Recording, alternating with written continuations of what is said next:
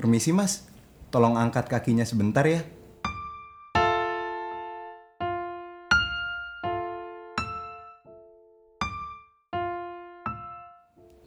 Sudah ribuan kali kalimat itu keluar dari mulut Dodo selama setahun terakhir. Bosan. Sudah pasti. Tapi apalah arti kebosanan bagi Dodo? Toh, ia yang memilih untuk pergi ke kota tujuh tahun silam karena bosan mengurus kambing di kampungnya. Seperti para pendatang lainnya, mimpi Dodo ada di belantara beton dan aspal-aspal berborok itu bukan di kandang pesing atau bukit-bukit hijau. Maka, seperti anjuran saudaranya, ketika arus balik lebaran tujuh tahun lalu, Dodo dengan bangga memijakan kakinya di ibu kota. Meskipun Yani istrinya tidak setuju dengan keputusan Dodo.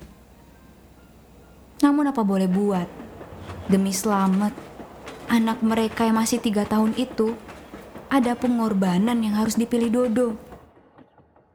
Malam itu adalah malam terakhir Dodo bekerja sebelum libur lebaran tiba. Kereta komuter lain yang dinaikinya itu sudah sepi penumpang dan hendak merapat ke stasiun terakhir. Jakarta Kota. Dodo masih menggenggam erat gagang pelnya. Aroma gerbong yang semerbak jeruk adalah hasil karyanya malam ini. Apa yang ia kerjakan sekarang ini bukanlah yang dibayangkannya tujuh tahun silam. Dulu, ia bermimpi membuka gerai soto kudus di daerah Jakarta Selatan. Kemudian menjadi pengusaha kuliner sukses yang diliput media-media ternama. Ah, sial. Warung tenda kecil-kecilan yang dibuka bersama saudaranya itu hangus terbakar. Padahal usianya baru saja lima bulan. Semuanya pada kembali ke kampung, kecuali Dodo. Dodo bertahan di Jakarta, menjalani segala jenis pekerjaan. Kuli, sopir angkot, badut pesta, hingga yang terakhir ini, bekerja sebagai petugas kebersihan di kereta. Dok, kemari. Panggil kepala bagiannya yang telah menunggu di stasiun Jakarta Kota. Ada apa ya pak? Ini THR buatmu. Dodo gemetar menerima amplop coklat itu. Ini pertama kalinya ia menerima THR. Matanya berkaca-kaca, membuat teman-teman sejawatnya keheranan. Dodo seperti seorang bocah yang mendapat kado Natal dari Sinterklas. Seneng amat dok. Canda kawan-kawannya. Saya bisa pulang. Dengan THR ini, saya bisa pulang ke kampung dan bertemu anak saya lagi. Dodo memang tak pernah pulang selama tujuh tahun terakhir ini. Beberapa kali Yani dan Selamet ingin mengunjungi Dodo di Jakarta, tapi selalu dilarang Dodo. Ia tak mau Yani dan Selamet menjumpai dirinya yang tengah luntang-lantung di belantara Jakarta. Selalu saja Dodo berjanji, ia yang akan pulang ke kampung ketika waktunya tepat merayakan lagi lebaran di sana bersama sanak saudara. Meskipun Dodo tak merayakan lebaran seperti istrinya. Ya memang, ia tak merayakan lebaran secara imaniah. Namun, secara kemanusiaan persaudaraan, lebaran teramat bermakna buat Dodo.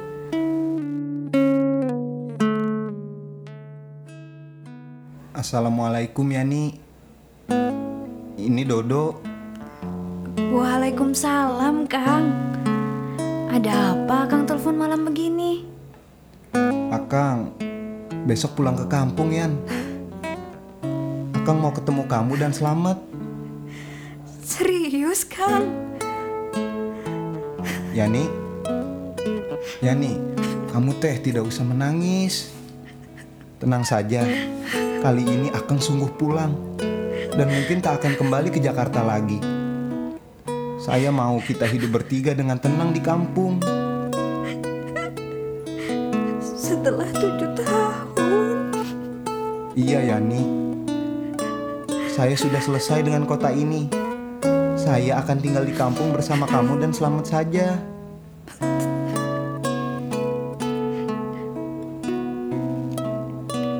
Di dalam telepon genggam masing-masing, isak tangis itu pecah. Yani sedemikian lama menanti Dodo. Dan Dodo sudah tak tahan lagi dengan perjuangannya di kota ini. Ia menyesal telah begitu tak kabur mengabaikan cinta kasih yang begitu kuat di pupul istrinya dan sanak saudaranya di kampung sana. Di Jakarta, ia hanya menemui kebencian, amarah, keegoisan. Hanya api yang ia jumpai. Barangkali perpisahan tujuh tahun ini adalah cara dari ilahi untuk menyadarkan Dodo keberartian harta yang sesungguhnya.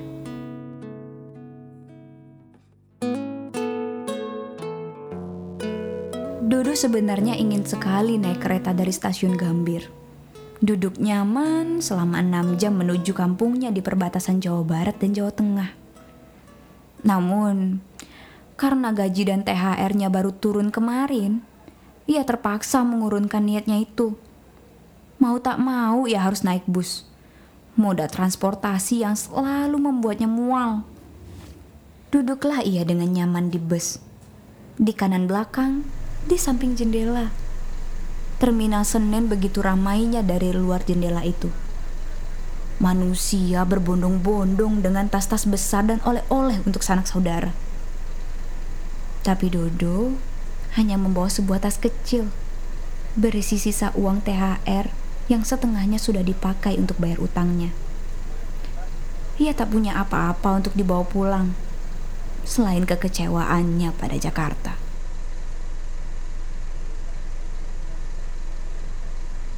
Langit setengah mendung. Awan biru putih masih beradu dengan gelap yang mulai meminta ruang di atas sana. Mudah-mudahan tidak hujan dan tidak muntah. Begitu dalam benak Dodo dan seorang ibu tua duduk di kursi sebelahnya. Nak, boleh ibu duduk di sini. Silahkan bu, silahkan. Ibu itu kurang lebih sepantaran ibu Dodo. Semisal masih hidup. Dodo jadi teringat ketika kecil di tiap lebaran. Ibunya sering kali membuat ketupat dan sayur mayurnya. Padahal mereka sekeluarga tidak merayakannya. Bahkan, rumah mereka itu terbuka bagi tetangga yang ingin berkunjung dan selalu ramai. Kenapa Bunda selalu bikin ketupat? Kita kan tidak lebaran. Do, kamu suka makan ketupat buatan Bunda? Iya Bunda, ketupat buatan Bunda enak. Kalau kamu setiap hari bisa makan ayam dan daging. Tapi tetangga-tetanggamu itu belum tentu, Do. Bunda ingin kebahagiaan ini bisa kita bagikan. Ya, lewat ketupat dan kawan-kawannya ini.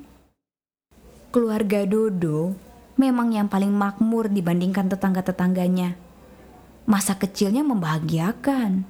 Dan ia selalu diajarkan oleh bundanya untuk bergaul dengan siapa saja. Pernah suatu waktu, ia ikut takbir keliling. Sekat-sekat yang menghalangi keutuhan bagi rasa kemanusiaan tak pernah ada buat Dodo. Sampai suatu waktu, rumahnya dirampok. Lalu ayah, ibu, dan adiknya jadi korban. Terjadi rebutan warisan, dan Dodo terabaikan. Itulah pertama kali hidupnya terasa retak saat berusia 14 tahun.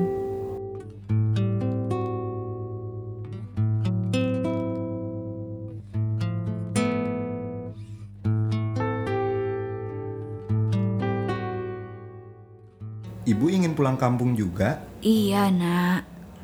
Saya mau kunjungi anak cucu saya di kampung.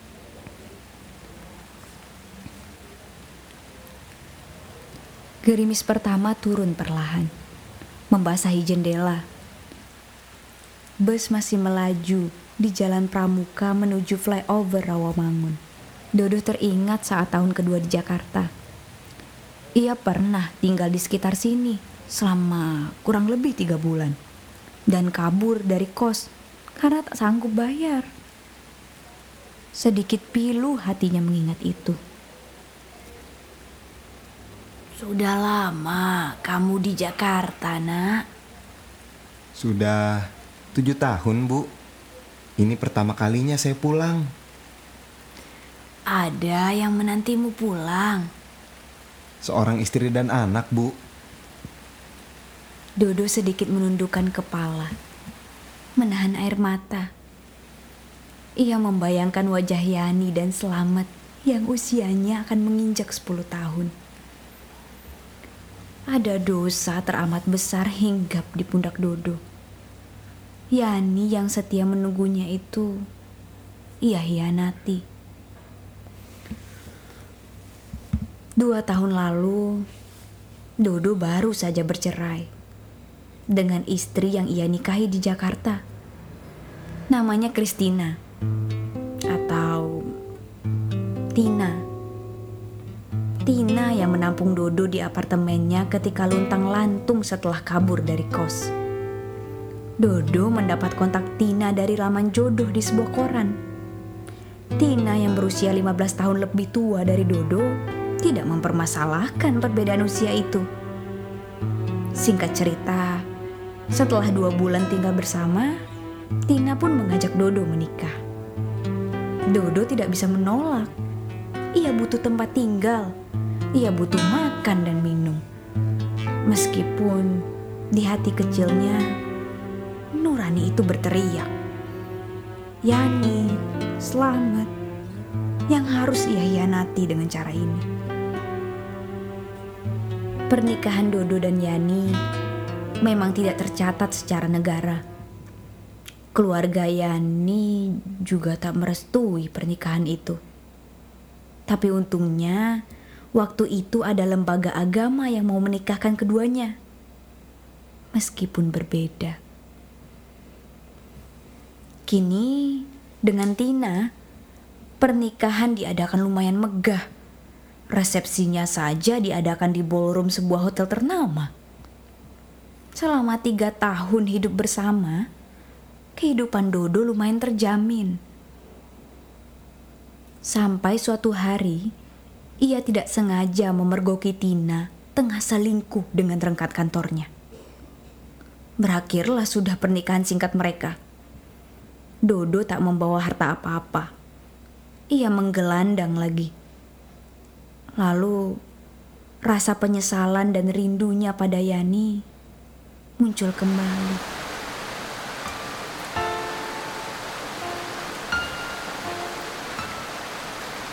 Hujan turun deras dan merata di sepanjang Jakarta dan Jawa Barat. Bus itu kini telah mencapai Karawang, tempat yang jadi titik mula bagi puisi besar Khairil Anwar. Wah, ketika SD dulu, Dodo gemar sekali membacakan puisi itu. Walaupun dia juga tak begitu paham artinya. Perjalanan ini rasanya panjang betul ya nak. Iya bu, panjang dan penuh kenangan. Kamu mau kacang? Ibu lihat dari tadi kamu cemas. Atau kamu mual ya? Kacang ini seperti obat herbal loh. Bisa bantu menenangkanmu. Terima kasih, Bu. Tujuh butir kacang masuk ke mulutnya. Perlahan tapi pasti, seperti yang dikatakan ibu itu, Dodo mulai merasa tenang. Simbah dosa yang ia tabur di Jakarta tak lagi terasa seperti bara api. Perlahan, Wujudnya menjadi tetes hujan, basah namun penuh ampunan. Kenangan-kenangan itu semestinya dijadikan pelajaran saja untuk hari-hari cerah yang akan dihabiskannya bersama Yani. Begitu di kepala Dodo. Dodo jadi teringat momen kelahiran Selamat. Ia berjanji untuk menyayangi Selamat seperti ayah bunda menyayanginya dulu mengajari selamat hal-hal berharga lalu menyaksikannya tumbuh dewasa. Tentu saja, seperti orang tua lain, Dodo mau selamat menjadi orang sukses. Beruntungnya dengan kemajuan teknologi, Dodo selalu tahu kabar terbaru Selamat. Saat kelas 1 SD, Selamat berhasil jadi juara kelas. Saat kelas 2 SD, ia jadi pemenang lomba makan kerupuk 17 Agustus. Saat kelas 3, Selamat jadi perwakilan sekolah untuk membaca puisi di kantor gubernur. Saat kelas 4, ia jadi juara kelas lagi. Dan saat kelas 5 SD ini, Selamat jadi pencetak gol terbanyak di kompetisi sepak bola antar desa. Dodo senang sekaligus gemas ingin mengajari Selamat bahwa kemenangan bukan satu-satunya cara memperoleh kesuksesan. Tapi satu hal yang Dodo tak tahu, betapa sebenarnya ambisi Selamat untuk jadi terbaik adalah karena dirinya. Yani. Yani yang selalu menanamkan itu pada diri Selamat. Yani yang mengajarkan Selamat untuk jadi juara, jadi terbaik. Karena dengan begitu, ayahnya akan pulang karena bangga dengan anaknya. Selamat begitu ingin bertemu Dodo. Walaupun ia sering kali dicaci tak punya bapak oleh temannya. Namun, bagi Selamat, Dodo adalah idolanya. Dan kini impiannya terkabul. Dodo kini dalam perjalanan pulang untuk menemuinya. Istrimu bagaimana nak? Ia sendiri mengurus anakmu selama tujuh tahun itu. Iya bu, sendiri. Tapi ia wanita yang tangguh 13 tahun silam, Dodo yang anggota ketoprak keliling itu tengah singgah mentas di sebuah kampus besar di Jawa Tengah. Saat itulah, Yani yang merupakan mahasiswa tingkat akhir Fakultas Perhotelan berjumpa dengan Dodo. Ia terpana melihat Dodo yang begitu jenaka saat bermain ketoprak. Mereka berkenalan, jatuh cinta, dan menjalin hubungan. Sesederhana itu.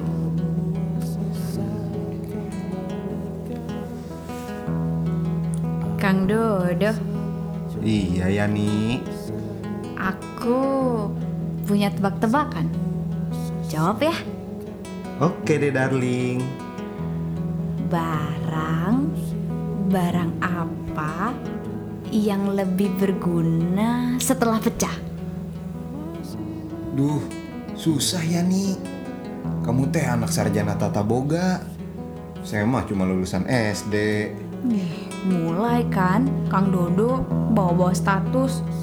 Kenapa sih harus ngerendahin diri terus? Nyebelin. Mereka bertengkar karena hal sesepele itu. Padahal Dodo sudah tahu jawabannya adalah telur. Tapi dia ingin menggoda Yani malah Yani yang marah. Begitulah hubungan mereka. Penuh konflik kecil yang di kemudian hari menjadi bahan untuk ditertawakan ulang.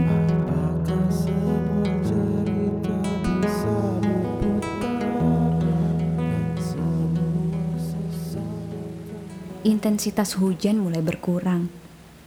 Awan-awan cerah sudah mengintip malu di atas sana. Perjalanan Dodo di bus itu sudah tiga per empat jalan. Sedikit lagi, wajah-wajah yang ia rindukan itu tak hanya lagi Imaji. Ia akan mampu membelai rambut Yani dan mengusap halus ubun-ubun selamat.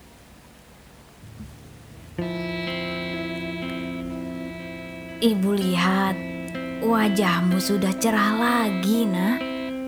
Iya, Bu pengharapan saya sudah pulih. Penyesalan saya sudah saya tinggalkan. Tak ada lagi Jakarta dan semua dosanya untuk saya. Kamu sudah memaafkan dirimu. Sudah, Bu. Saya sudah memaafkan semuanya. Diri saya dan kenangan mengerikan itu. Saya sudah kembali fitrah seperti lebaran ini. Syukurlah kalau begitu. Syukurlah. Oh ya, kamu terbangun sepanjang jalan. Tidak mengantuk? Sejujurnya mengantuk, Bu. Tapi sebentar lagi sampai. Biarlah perjalanan ini saya nikmati. Tidurlah. Nanti biar ibu yang bangunkan. Istirahatlah dengan tenang. Kau pantas mendapatkannya. Seusai tujuh tahunmu yang letih ini. Terima kasih, Bu. Telah begitu peduli pada saya sepanjang perjalanan ini. Lelaplah nak. Tak ada lagi derita setelah ini. Pejamkanlah matamu. Ibu tua itu mengusap kepala Dodo. Perlahan, mata Dodo terpejam. Senyumnya merekah. Ia seperti bayi yang terlelap di dekapan ibunya. Ia sudah suci kembali.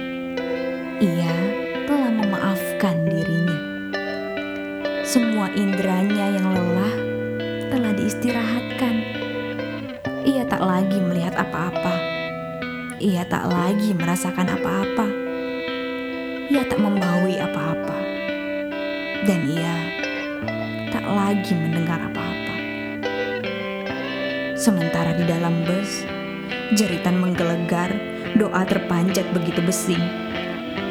Bus itu kehilangan keseimbangan, bergoyang ke kiri ke kanan, dan pada akhirnya menabrak pembatas jalan lalu terbang bebas menuju dasar jurang.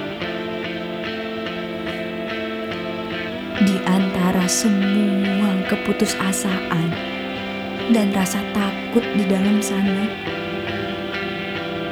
Dodo sudah lebih dulu lelap dan bahagia.